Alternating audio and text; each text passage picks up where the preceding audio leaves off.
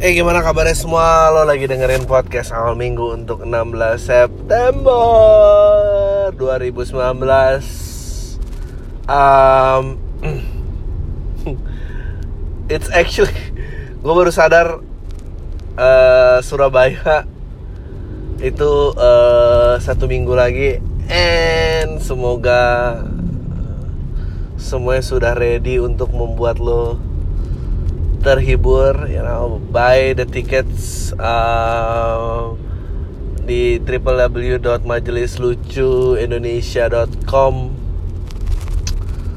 you know bawa temen lo bawa pasangan lo. I'll tip down and dance buat lo. Um, ya gue excited banget sih. Uh, kita ngomongin apa hari ini? uh, lu pernah semua punya pacar yang psikopat gitu gak sih? psikopat dalam artian ya psikopat gitu tau gak sih? Gue sih kayaknya eh well gue pernah sih gue pernah yang uh, diputusin terus nggak mau makan gitu nggak um, mau makan dan nggak mau keluar kamar ngancem-ngancem bunuh diri. Uh, tapi itu nggak psikopat sih itu patah hati. Maksudnya psikopat tuh menurut gue lebih kayak gini manipulatif. Uh, terus ngarang-ngarang cerita. Ngarang-ngarang cerita uh, uh, atau kayak ngarang-ngarang cerita. Ya ya making up story sih.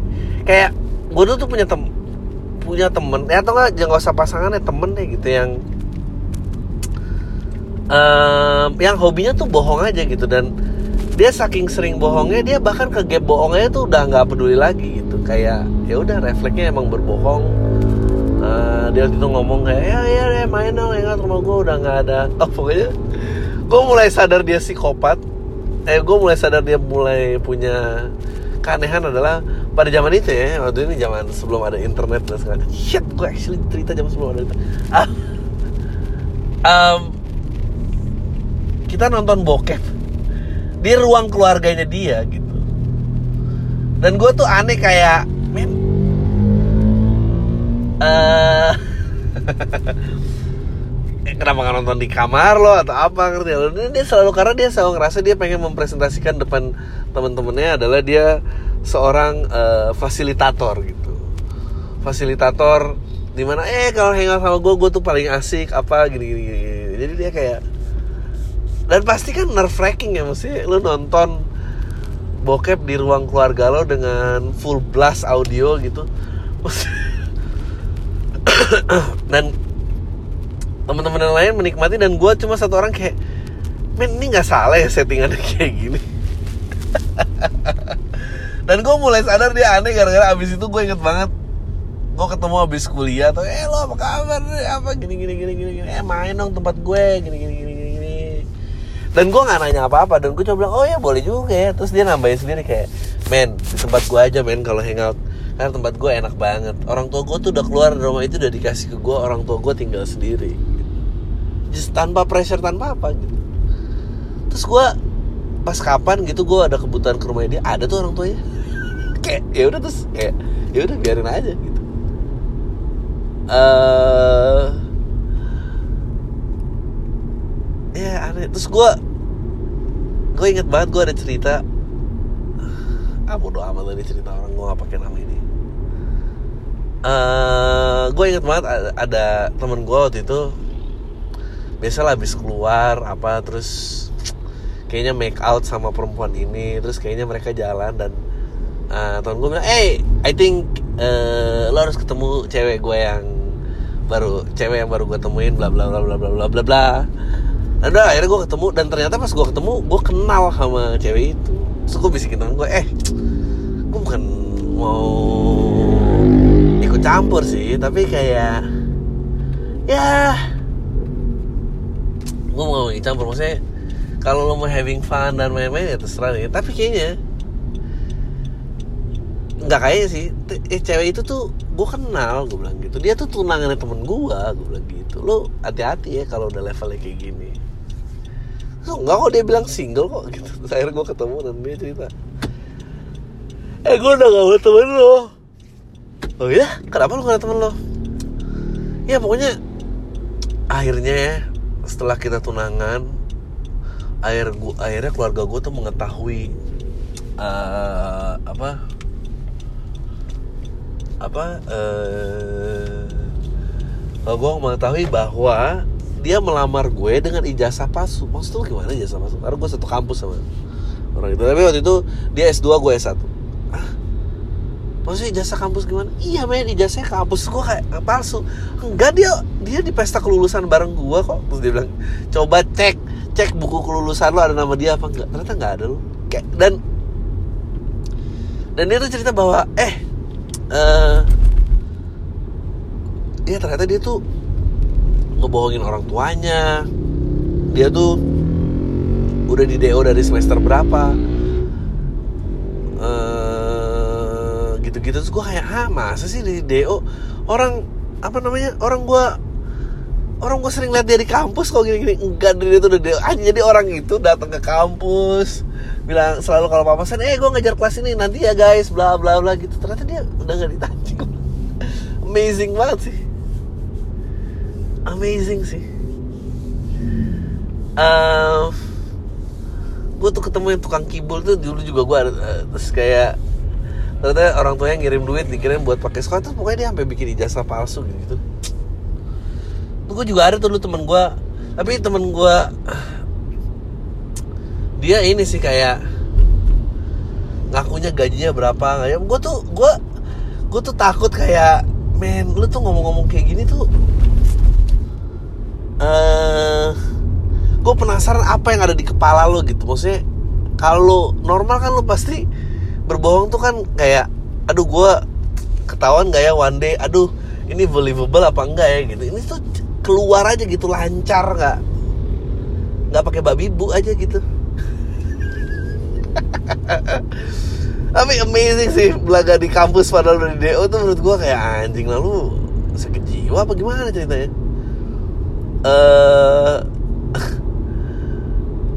ada lagi yang eh, gayanya tuh gue nggak tahu lah kategori penyakit jiwanya apa.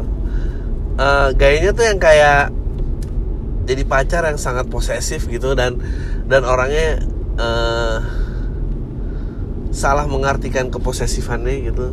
Eh, terus kalau lagi berantem tuh sampai kayak enggak udahlah. Kamu tuh sayang sama aku tapi mungkin kamu sekarang lagi bingung aja. Pokoknya very sangat menyihir gitu dan memang menyihir sih kayak eh, penampilan tuh semua orang suka. Dan lo nggak tahu betapa gilanya dia. Tapi gue tuh mencapai suatu kesimpulan ya. Eh menurut gue menurut gue lo pengen tahu pasangan lo atau teman lo tuh psikopat apa enggak. Lo cirinya adalah kalau lu sebel sama temen lu yang suka ngomongin orang menurut gua lu gak boleh sebel. Karena apa? Karena tanda ngomongin orang kalau lu ngomongin orang lain itu tanda lu normal men. Karena gua rasa psikopat nggak mau ngomongin orang lain sih. Kayak psikopat tuh cuma ngomongin diri sendiri. Kayak gua nggak pernah ketemu psikopat yang bilang kayak ya si A tuh orangnya klepto banget ya apa gini gini. Ini kayaknya enggak deh. Kayaknya kayaknya kalau lu suka ngomongin orang I think I think lu tuh orang normal. Karena kalau psikopat tuh cuma ngomongin diri sendiri. Kayak eh, ya udah gitu. Dia sibuk merangkai dan ini.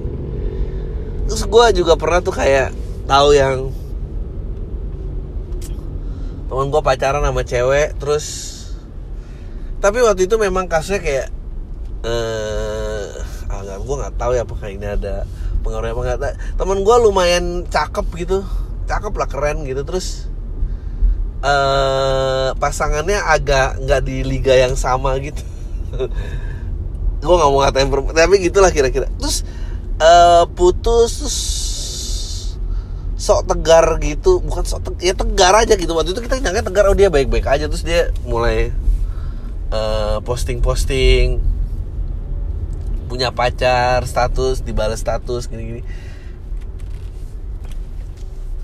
bilang punya pacar oh traveling ada foto ini. Ternyata nggak ada men orangnya. Pacarnya nggak ada dia membuat pacarnya nyata seolah-olah padahal orangnya nggak ada. Dan gue inget banget abis itu si cewek itu pacaran sama teman baiknya temen gue itu. Dan abis itu hubungan mereka runtuh. Karena si cewek itu bilang ah dia tuh dulu gini gini gini gitu. Manipulatif deh pokoknya um, kenapa ya? Gue tuh gue gue tuh lagi mikir diri gue kayak anjing gue tuh punya gue punya tendensi itu ya? Am I just making up stories di mana? Ada sih detail-detail fakta yang gue nggak bisa ingat tentang masa lalu gue and then gue berusaha menambahkan detail itu dan gue anggap ya emang kejadian dulu kayak gitu kali. Tapi apakah itu di level yang sama dengan orang-orang tadi apakah selama ini lo ternyata hanya mendengarkan tukang kibul paling jago sejakat raya Hah? apa emang gimana gitu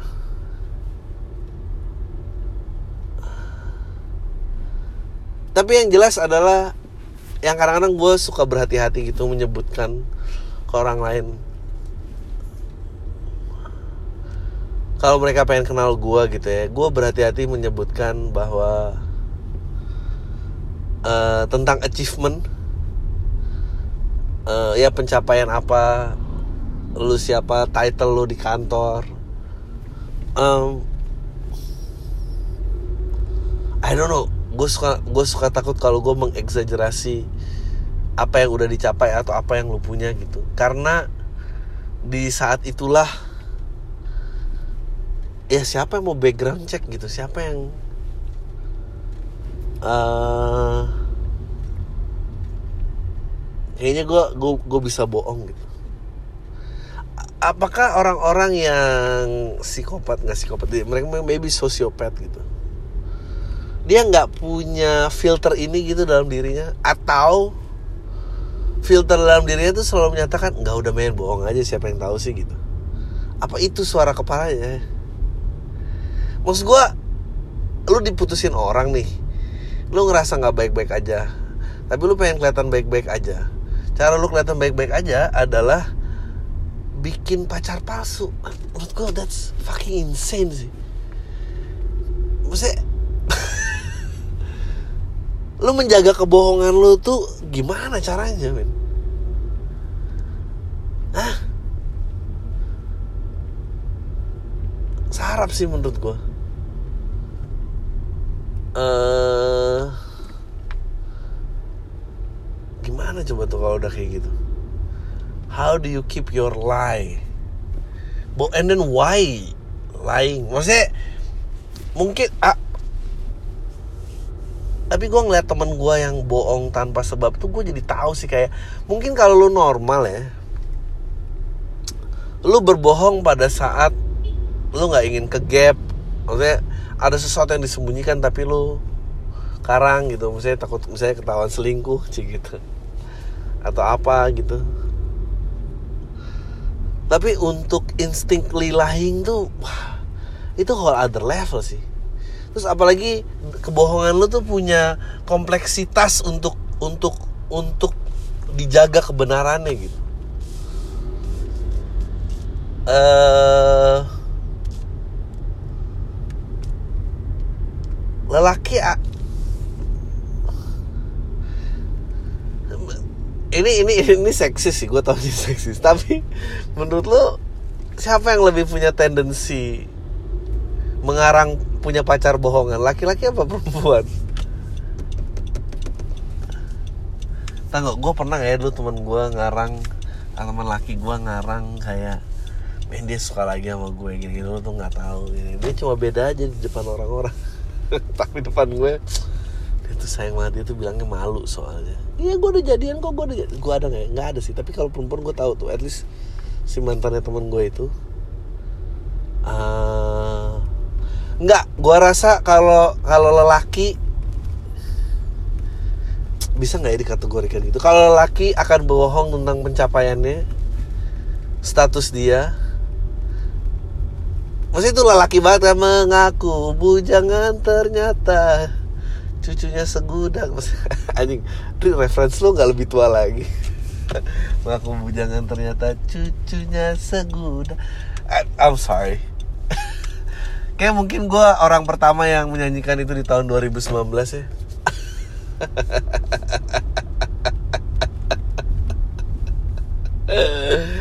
I don't even know itu lagu apa. Mungkin banyak banget mendengar yang kayak anjing lagu apa tuh? Pokoknya lah Mengaku bujangan ternyata cucunya segudang uh, And it rhymes to uh, I, I, I think that's a man's lie. Lu ada joke bagus banget tuh. Uh, Gue lupa joke-nya siapa. I think it was Chris Rock. Dia bilang I think Ini Chris Rock dia bilang I think men lie more but women lie the most. Yang paling berbohong tuh perempuan. Men lie more women lie the most. Men's lie is like ya gue pulang sibuk apa segala macam lalala tapi women's lie itu kayak itu anak lo lagi.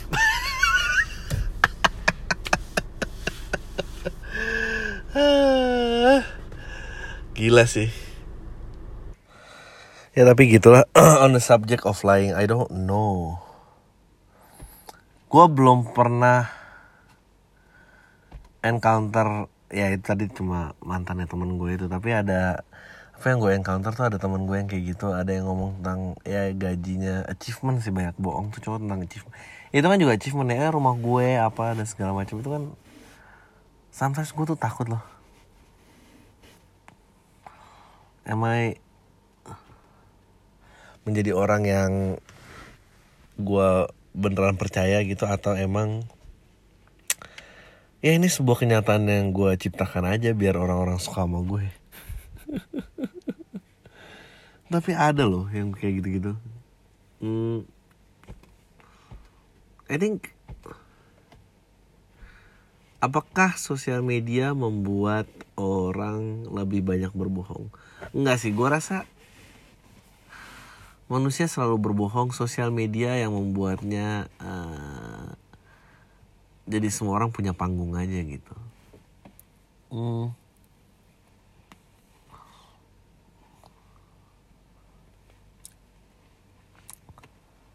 nggak tahu ya.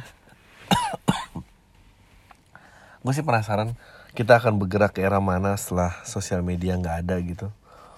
Uh, I I I don't know kalau tahu ya gue sih udah nggak tertarik gitu sama sosmed. If it's not about my work gitu kayak gue nggak nggak nggak posting deh. Kayak gue um, keeping it low profile um, tapi keren banget gak sih kalau kayak gue juga penasaran tuh uh, mindset mindset seperti apa yang membuat orang beli followers. Not saying gue gue lebih baik daripada mereka. Tapi kayak I fucking serious? gitu. Buat apa beli followers? Kalau orang biasa sih gitu. Kesannya orang biasa. Yang berkarya dan enggak tuh dipisahkan oleh karya. Cah ya padahal karya juga belum tentu bikin kaya sih tapi pasti ada yang nih. Adriano Kalbi karya juga belum tentu bikin kaya. Um, gue lagi mikir uh, gue waktu itu pernah bahas sih kayak kalau gue masih SMA gitu ya I remember gue masih ingat the pressure akan sosial gitu. Itu besar banget karena lu pengen dibeliin motor atau lu pengen dibeliin mobil pokoknya uh, apa namanya konten konten eh, orang-orang yang hmm, coming of age gitu. 15 sampai 17 tahun I think mentally itu paling challenging gitu ya. Uh, terus ada lu lihat temen lo yang anjing apa apa itu dapat gitu. Lu mulai ngiri dengan ah kalau zaman gue ya itu interest gue karena gue basket dan apa kayak oh ini sepatunya mahal ya si ini ya terus si ini uh, datang latihan pakai bawa ini gitu. Terus kayak wah enak banget ya pacaran bawa bisa jemput cewek naik mobil atau bisa jemput cewek naik motor. Hal kayak gitu tuh hal-hal material tuh mulai menjadi kengirian gitu. Tapi tapi ini adalah gue nggak 24/7 gitu. Gue bisa nggak ketemu dia pas weekend. Gue bisa mencari kegiatan lain gitu. Tapi kalau zaman sekarang gitu uh, apa namanya uh, kalau misalnya gue coming of age terus lihat orang yang di sosial medianya gitu pacar dan apa gue penasaran sih. Kayak kayak apa gitu mindsetnya? Uh, dan betapa merusaknya gitu. Kayak uh, ah, gue dulu juga ada kayak orang yang nggak disukain. Hmm, gue pernah ceritakan temen gue yang nggak teman sih kenal doang yang ngundang ulang tahun tapi nggak ada yang datang dua tahun berturut-turut sampai tahun ketiga datang uh, dia lagi motong kuenya sendirian sambil nangis terus dia kayak kalian jadi datang nah nangis gitu. Um, gue gue tuh sekarang terus kalau ngeliat orang dibully di sosial media sampai bunuh diri kalau gue reaksinya kayak ih lebay banget sih. Itu menurut gue gue uh, gue menggambarkan kasus karena gue nggak tahu sih rasanya kalau gue coming of age dengan sosial media gitu. Maksudnya gue dapet sosial media tuh di usia yang gue udah cukup mature uh, untuk gue handle pressure-nya gitu. Sekarang gue agak percaya sih kayak oh, orang dibully bisa karena banyak banget dan gak bisa di disconnect gitu kan.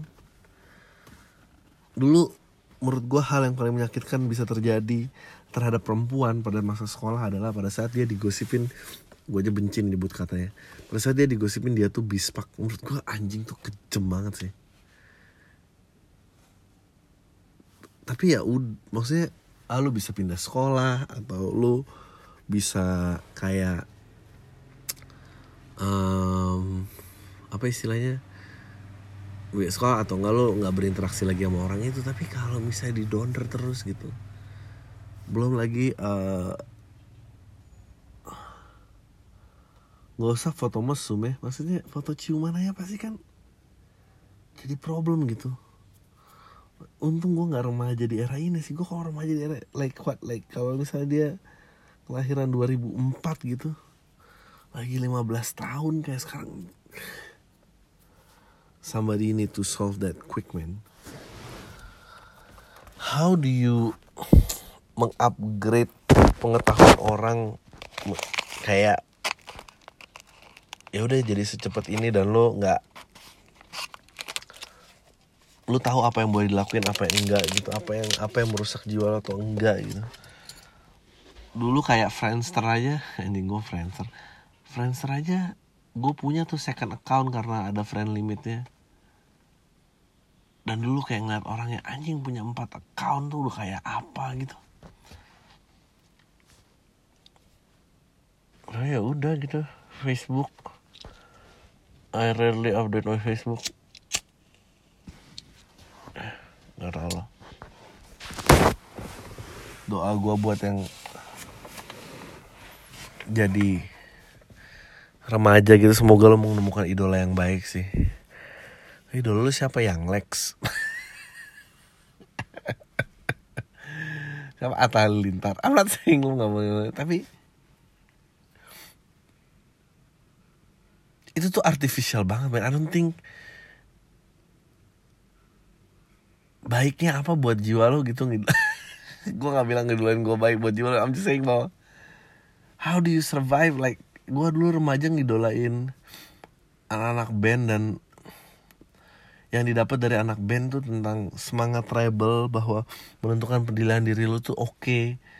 uh, berbeda dari pengaruh yang mainstream atau kebanyakan orang itu oke okay. uh, nggak didukung orang tua lo oke okay. kayak itu positif encouragement gitu sekarang tuh yang menyuarakan itu siapa sih who who are the teen idols yang oh, yang hey this is how to survive bullying. And and apa ini gue dulu nggak diterima. Gue dulu punya Instagram yang ngefollow cuma 10 orang tapi gue nggak berkecil hati. Nggak ada yang lagu tentang itu ya. Oh, udahlah gue baca pertanyaan aja. I think this is gonna be a short one though. Bang, gue di bagian HR salah satu kampus swasta di Jakarta, gue udah dapet kasus yang ditangani terkait karyawan yang terjerat utang online. Ada dosen yang sampai hilang bagai di, bak ditelan belahan Kimi Hime. Who is Kimi Hime? gak ada kabar nomor HP gak aktif akun YouTube. Tapi akun YouTube dia ngeluarin coveran lagu mulu. Fuck lah. Yang jadi resah tuh para karyawan sampai diteleponin bahkan dibentak-bentak sama penagih dan ternyata bukan hanya satu pinjaman online yang dia pakai tadi sampai dua sampai tiga akhirnya dia nggak ada kabar kantor gue mutusin kontrak kerjanya. Selalu ini ada tiga karyawan yang kena kasus kayak gini bahkan SMA dan WA penagih sampai ke rektor kasihan banget rektor sini udah tua harus segala utang-utang karyawannya menurut lo kenapa sih bang ada orang yang sampai minjem ke online apakah dia nyebelin ke sampai manusia nggak ada yang mau ngasih Nah menurut lo kominfo lebay gak sih bang harus ban YouTube Kimi Hime? Um, ban aja lah nggak apa-apa. Mungkin karena online tuh gampang kali ya persyaratannya. Terus minjem temen kan nggak pernah gampang men. Persahabatan tuh akan dites banget sih dengan duit. Yang semua sih. Dan itu sangat sulit.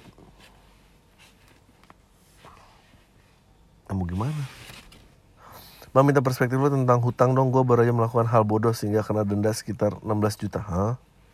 Karena gue gak ada duit Gue pakai flexikas di Genius yang buat bayar Yang akibatnya gue harus bayar hutang tersebut Dengan 700 ribu per bulan Selama 3 tahun Anjing lama banget Gue pekerja kantor yang gaji tetap tiap bulan. Menurut lo kalau gue ngutang mending bayar bulanannya gede Tapi lunasnya cepet Apa bulannya kecil tapi lunasnya mahal? Ya kalau ada bunga ya mendingan Bulanannya gede tapi lunasnya cepet. Tapi itu kalau sanggup Kalau nggak sanggup mau gimana? Tapi nggak apa-apa men. Menurut gue punya sejarah hutang tuh ada bagusnya juga loh. Maksudnya itu memudahkan lo jika lo ingin berusaha atau apa yang lo membutuhkan modal. Kalau track record pelunasan lo baik ya lo baik-baik aja. Halo mm, baru bikin podcast awal-awal belum ada uang kita butuh nggak sih mikrofon? Gue pakai HP aja. Cocok sebenarnya nggak mau. Ya, pakai HP aja. Terus kalau ada duit. Tapi itu gue tapi pasti saran gue nggak ada yang mau denger lah. Assalamualaikum Waalaikumsalam. Gue ngumpul sama teman gue Terus gue mereka ngomongin podcast lu Bang gue tanya ke mereka Lu dengerin PAM dari kapan? Terus mereka jawab Kalau yang lama gue mah dari 2018 awal. Spontan gue langsung respon Halah baru dong. Gue udah denger dari 2016 Lu gak tahu kan PAM pernah ada di Youtube Sampai akhirnya SoundCloud doang Dan akhirnya sekarang juga ada di Spotify Kata-kata itu spontan gue keluaran Gue ngerasa jadi orang yang sangat nyebelin ketika itu Bang Mampus. Tai lah gue bakal senioritas Gue sebagai pendengar PAM ke orang lain. Kejadiannya mungkin sama kayak ketika gue baru tahu sebuah band yang lagu enak temen gue bilang itu mah band lama lo baru tahu. Gue sering dulu lihat gigs dia masih jarang yang suka sangat nyebelin. Tapi sayangnya kemarin gue di pos itu. Buat temen gue yang denger podcast ini gue udah berdamai kalau merespon nyebelin gue kemarin. Yakinlah gue nggak senyebelin itu goblok. Bagus bagus bagus bagus ya pendengarnya profilnya punya kesadaran diri. Uh, jangan sebut nama gue, gue dengerin lu di 2018 Gara-gara gue nontonin video Gofar Gue dengerin podcast lu mundur 2018 ke episode pertama. Sekarang gue dengerin dari awal lagi. Uh, saya bang udah menghibur dari bos gue yang kayak tai. Nah gue mau tanya bang gue baru tahu kalau ternyata adik gue gay. Gue bingung mau ngadepinnya gimana. Gimana ya bang cari supaya gue bisa nyadar adik gue tanpa buat dia menjauh dari gue bang. Atau parahnya dia kabur dari rumah. Paling enggak pandangan lo aja deh bang teks. Um, gue nggak percaya bahwa kalau lu menyadari definisi lu menyadari adalah untuk dia kembali mengencani perempuan menurut gua lu nggak bisa ada di situ.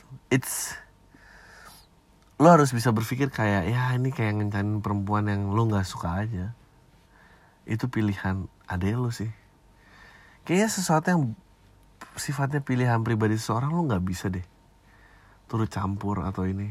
Setidaknya itu kalau di setidaknya lo harus pasang standpoint itu kalau dia lo mau membiarkan dia terbuka dan dia nggak lari dari lo itu pandangan gue once lo push pilihan pribadi lo apa pun itu bentuknya dan dia nggak setuju dia akan lari. Percaya sama gue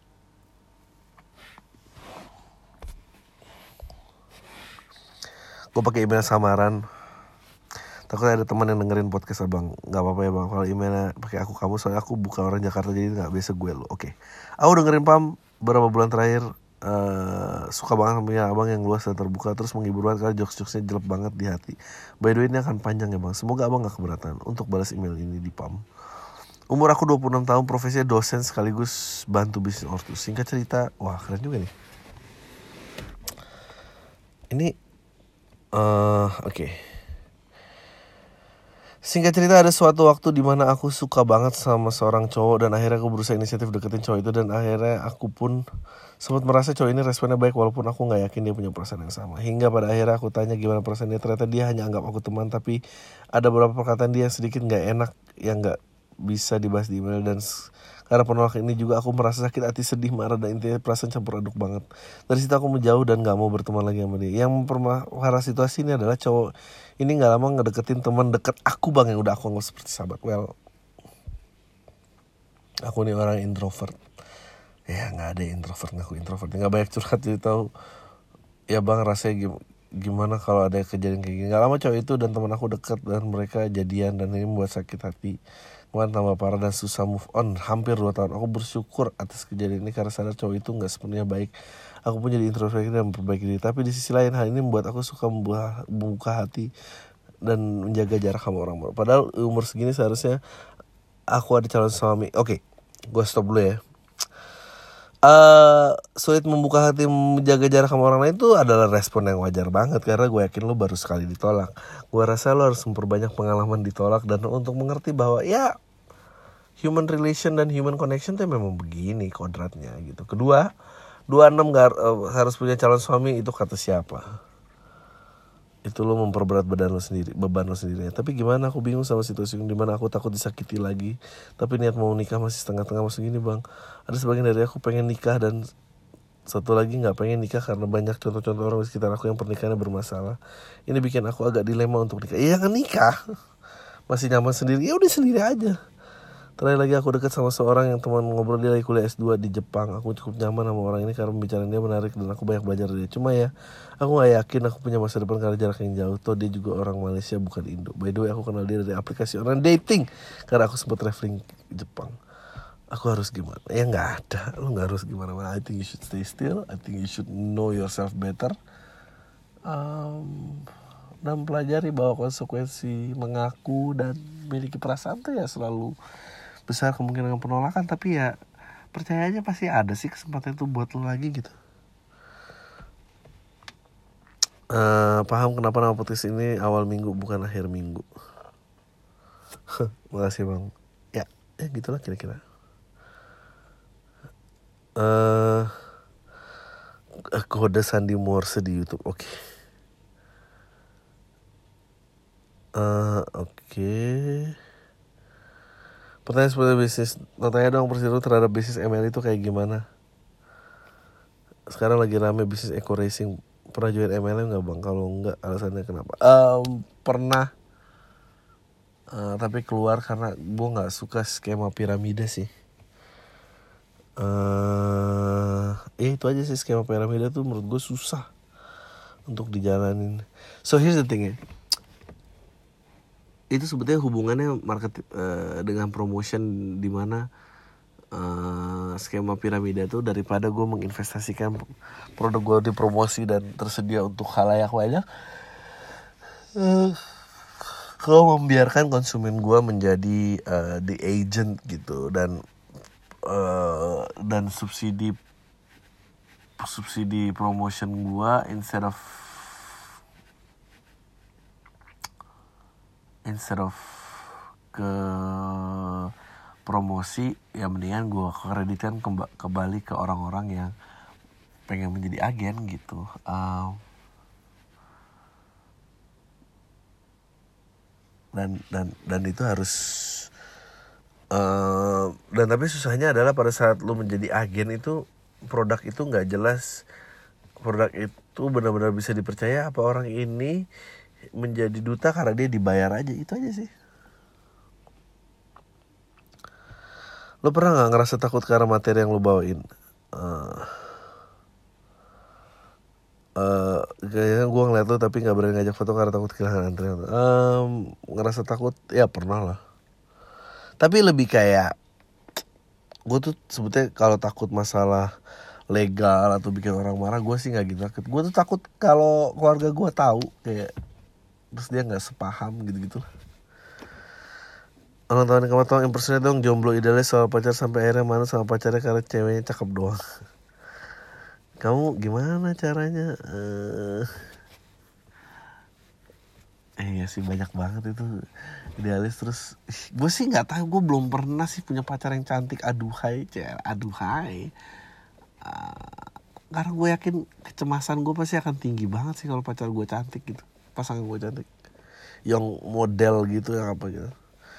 Kapan kira-kira sempat bikin topik neneng part 2 tahi sama ibu Kolbi. Ditunggu TDP dan digital jangan gue bakal beli dulunya it's gonna be out soon. Uh, ini gue lagi bang. Bener juga jawaban lu. Udah gue lakuin sampai dia bilang nggak apa-apa kok aku kamu sama dia pacarnya tapi mesra-mesranya sama aku. Eh dia malah ketawa-tawa aja. Meskipun dia berhijab gue suruh gue sering ngomong saru sih sama dia. Lo tau saru kan? Saru apa sih? Mungkin karena dia aktifin kekerasan perempuannya jadi kayaknya biasanya. Malah kalau kita sering ngobrol dia nggak mau ngelepas keperawanan sebelum nikah ya gue setuju aja itu pilihan dia. Tapi omongannya kadang bikin sange tai. By the way gue akhirnya tinggalin si bang. Kayaknya dia udah kayaknya dia deh yang kesepian. Soalnya beberapa hari dia dinas keluar kota. Di Jakarta sekarang ketemu cowoknya itu. Kan dia LDRan. Dia and eh dia lupa sama gue ya udahlah gue cari lagi aja. Panjang perjalanan gue masih 15 provinsi lagi siapa tahu nemu lagi di jalan. By the way, makasih bang udah jawab. Semoga sukses selalu keturunan nama Bu Kalbi.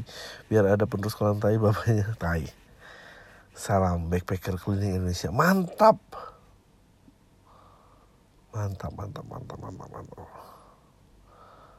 Uh, By the way, dia pernah gue share link podcast lu. Tahu dia didengar apa gak Bodo amat lah ini keren banget sih lo keliling Indonesia. Uh, mantan penyiar jadi penyanyi. Bang gue mantan penyiar dan sekarang jadi petani di desa kawasan Batu Malang. Bisnis pertanian kami lumayan berkembang.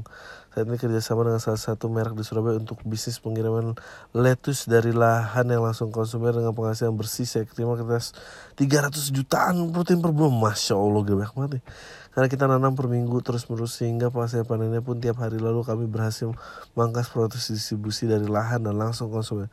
Kemudian menerapkan harga yang tidak terpengaruh pasar sehingga penghasilan yang kami dapat lumayan tinggi dan ini ya mungkin bikin kami beda dengan petani penuh dahsyat. Tapi saya sering gak nyaman kita ketemu orang-orang yang sering nanyain kayak kerja di mana.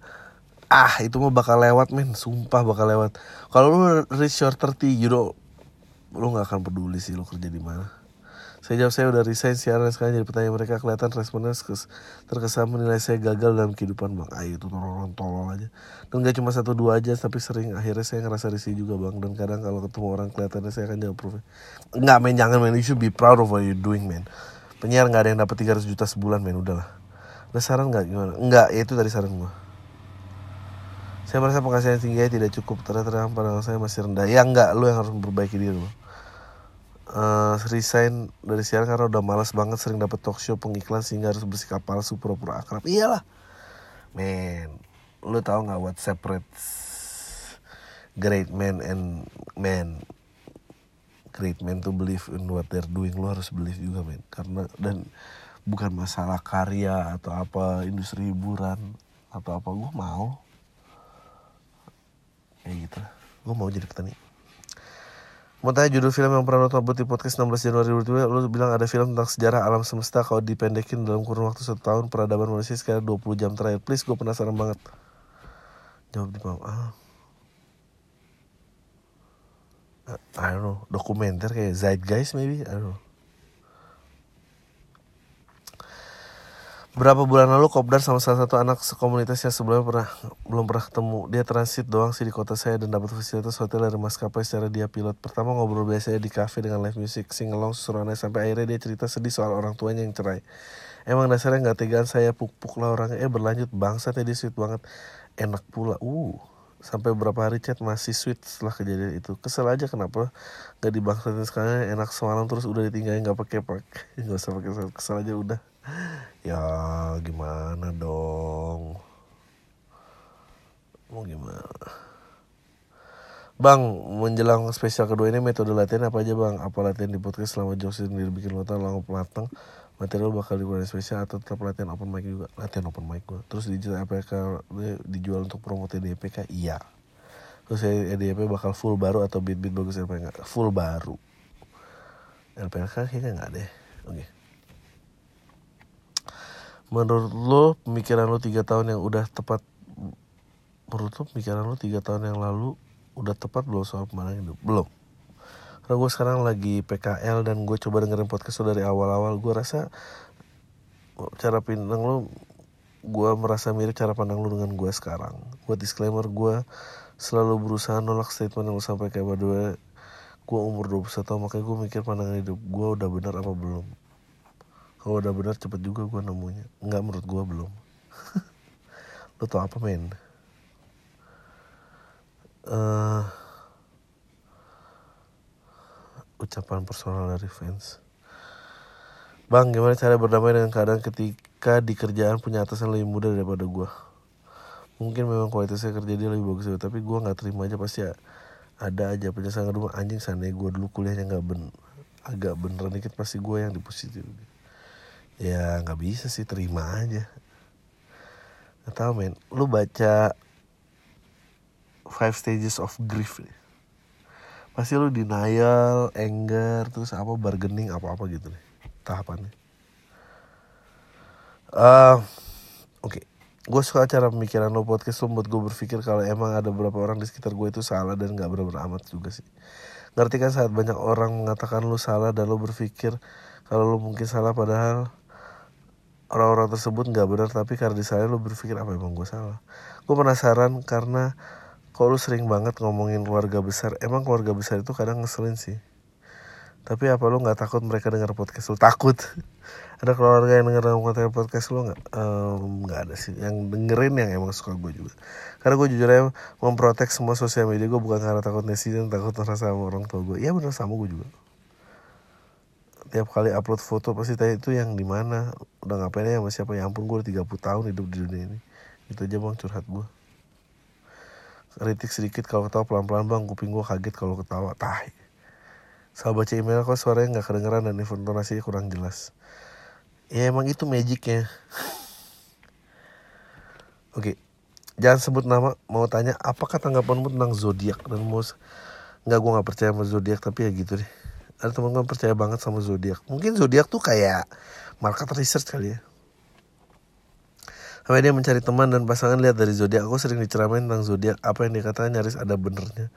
Aku sering heran dan lebih lebih heran lagi dia mukanya pas-pasan tapi gampang banget dapetin cewek yang cakep yang sesuai dengan zodiak. Temen ceweknya banyak banget bang. Yang kalau bikin aku mikir katanya bakalan jodoh kalau sesuai zodiak. Tapi hubungan sering gak beres. Sampai-sampai pas dia tahu zodiak ceweknya yang menurut dia nggak cocok sama zodiak aku mau disuruh ganti. Dikira nyobain baju apa nggak cocok ganti. Tapi malah hubungan sama cewek ini aman-aman takutnya temanku ini bisa gila-gila gila gara-gara zodiak. Nggak tahu gue juga nggak percaya men. Tapi ada beberapa sifat gue yang mirip dengan zodiak gue sih jadi gue nggak tahu. Oke. Okay.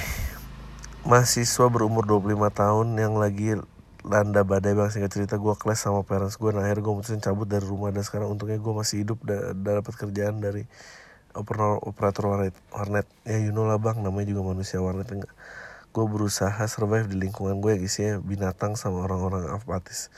Suatu ketika ada cewek ini dia main di warnet gue kerja dan gue ngeliatnya kayak wanita itu menarik. Gue minta cariin info ternyata dia single. Dan karena gue sih belum settle banget ya you know lah bang. Gue rada-rada nggak pede buat nggak beberapa ternyata dia adalah ada eh. Nggak beberapa lama ternyata ada binatang waret yang gua kenal deketin dia. Terus gue mikirnya it's fine kalau semua itu harus berakhir dengan dengan ajang kompetitif match. Gue langsung cari manusia-manusia yang bisa jadi intel. Anjing aneh banget loh. Nyari info gitu hubungan uh, orang dua itu gimana? Intel gue nanya ke si binatang ini secara halus dan akhirnya si binatang itu buka sama binatang ini bilang katanya si cewek itu teman kecil dia dan lu pernah pacaran. Dan pada saat si binatang itu udah bilang kalau cewek ini udah balik ke Surabaya begitu dapat info gue ngerasa kayak binatang bocah banget dia. Padahal pakai segala ngebohong si cewek balik Surabaya. Padahal gue jelas lihat status WA si cewek ternyata cewek ini di Jakarta. Gue tahu dia kerja. Menurut lo bang pantas gue berkompetisi bocah ini bang gue antara kasihan sama, sama pengen ngalah soalnya sama si binatang kayaknya takut banget kalau misalnya gue yang dapat sampai dia segala ngebohong gitu. Hah? menurut gue lo juga sama aneh sih. Ya gimana nggak aneh coba? Ya kan? Lo aneh juga kan? Aneh lah lo uh, apalagi ya? Aduh ngantuk ya gue oke. okay. Ntar ya 50 menit ya 50 menit. Empat lagi. Um, Friends with benefit. Wah ini seru nih. Oke okay, this should be the closing ya. Satu tahun yang lalu gue ngejalanin FVB sama cowok. Awalnya sih karena sering hangout bareng dan mabuk bareng Jadi gue pikir sama dia agak berlebihan awalnya gue pikir ya cuma buat hookup tapi akhirnya kita berdua mutusin buat FWB karena kita berdua sama-sama males buat komitmen. Tapi dengan satu syarat gue nggak bisa tidur sama dia kalau dia ketahuan tidur sama cewek lain. Dan FWB kita berjalan satu tahun lebih. Sampai pada akhirnya dia punya rekan bisnis baru dan waktu itu dia ters waktu dia tersita sama bisnis barunya dan rekan bisnis itu cewek. Sampai suatu hari dia bilang sama gue kalau dia udah tidur sama rekan bisnisnya itu karena mabok dan saat itu gue nggak berantem sama dia tapi gue minta penjelasannya. Gue bilang ke dia ya udah ini pilihan lu kan buat kehilangan gue bukan gue yang milih. Selama itu gue sama dia jadi kaku banget kalau ketemu dan gue pura-pura nggak anggap dia walaupun kita duduk satu meja. Gue bener-bener ngerasa kayak dikhianatin tapi gue nggak berhak punya perasaan itu. Hampir dua lebih gue kayak orang yang tertekan gitu gue ngejauhin teman-teman gue gue teman-teman gue semua karena gue nggak pengen teman gue tahu kalau kondisi gue lagi kayak gini dan gue jadi ngerasa nggak profitable. Sampai akhirnya kemarin gue ketemu dia di suatu event dia ngajak ceweknya terus gue tanya lu akhirnya jadian sama dia? Terus dia jawab iya. Dia punya beberapa kriteria yang gue nggak expect bisa temuin dalam jangka waktu sedekat ini dari seorang wanita setelah gue dengar itu aneh juga perasaan kecewa gue hilang seketika dia gue juga sempat ngobrol sama ceweknya dan dia she's nice lah. Gue harap ceweknya nggak pernah tahu kalau gue sama cowoknya pernah ada something yang nothing cie. dan gue juga sekarang ya gue sama dia udah biasa nggak kayak dulu karena gue udah nggak apa-apa juga. Gue happy akhirnya dia berani mutusin buat komitmen. Gue nggak apa-apa kalau dia bersikap yang kayak ya ya udahlah yang udah-udah ya cuma history doang. Thanks ya Dri. Pesen gue buat yang lain. Jangan coba-coba buat ngejalan fresh benefit. Kalau lu orang yang nggak punya jiwa brengsek kan yang lucu banget. Lucu banget lucu banget lucu banget lucu banget. Bang gue minta saran soal cowok-cowok yang nggak tahu diri. Masa gue ngajak makan tapi gue yang disuruh traktir makanannya mahal pula. Pas sampai tempat makan gue disuruh beliin dia rokok. Itu pun gue yang jalan yang jemput. Semenjak itu gue ilfil sama cowok ini terus gue hapus kontaknya. Eh dia tetap aja nggak tahu diri deketin gue ya menurut gue sih lo lari aja. Orang kayak gini sih nggak mungkin bisa disadarin ya. Maksudnya eh uh, eh gimana coba? Gimana coba? Eh uh, Iya ngapain lu ngejalan kayak gitu nggak mungkin men orang kayak gitu bisa disadarin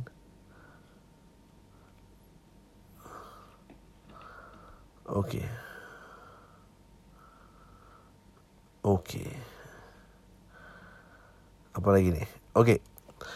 bang gue pernah jatuh kepleset di acara resepsi nikahan teman gue dan lihat banyak orang tapi anehnya setelah itu gue nggak ngerasa malu gue justru ikut mentertawakan itu semua nah menurut lu bang bahaya nggak sih kalau kita terlalu beramai dengan diri sendiri dan mentertawakan hal yang nggak menurut gue sangat sehat iya sangat baik lah. Oke terakhir nih. Mau curhat WC di rumah gue itu terbuka bang. Jadi kayak bentuknya kayak bilik-bilik MCK di kali. Cuma bedanya kalau kamar mandi gue udah pakai tembok dan keramik di dalamnya rumah Tapi ya begitulah nggak ada yang nutup full. Atap dan nggak ada pintunya Jadi kalau gue mandi kepala gue kelihatan. Nah tapi ada suatu hal yang bikin penasaran. Karena kan gue punya kakak cowok yang umur 23 tahun dan belum nikah Gue penasaran apakah kakak gue udah pernah coli dan atau belum karena di kamar mandi rumah nggak mungkin buat dia udah itu jam menurut gue udah. Mungkin nggak di kamar mandi tapi pasti dia cari jalan lah untuk gimana pun bisa ini. Ah ya. Udah tahu lu semua. Deh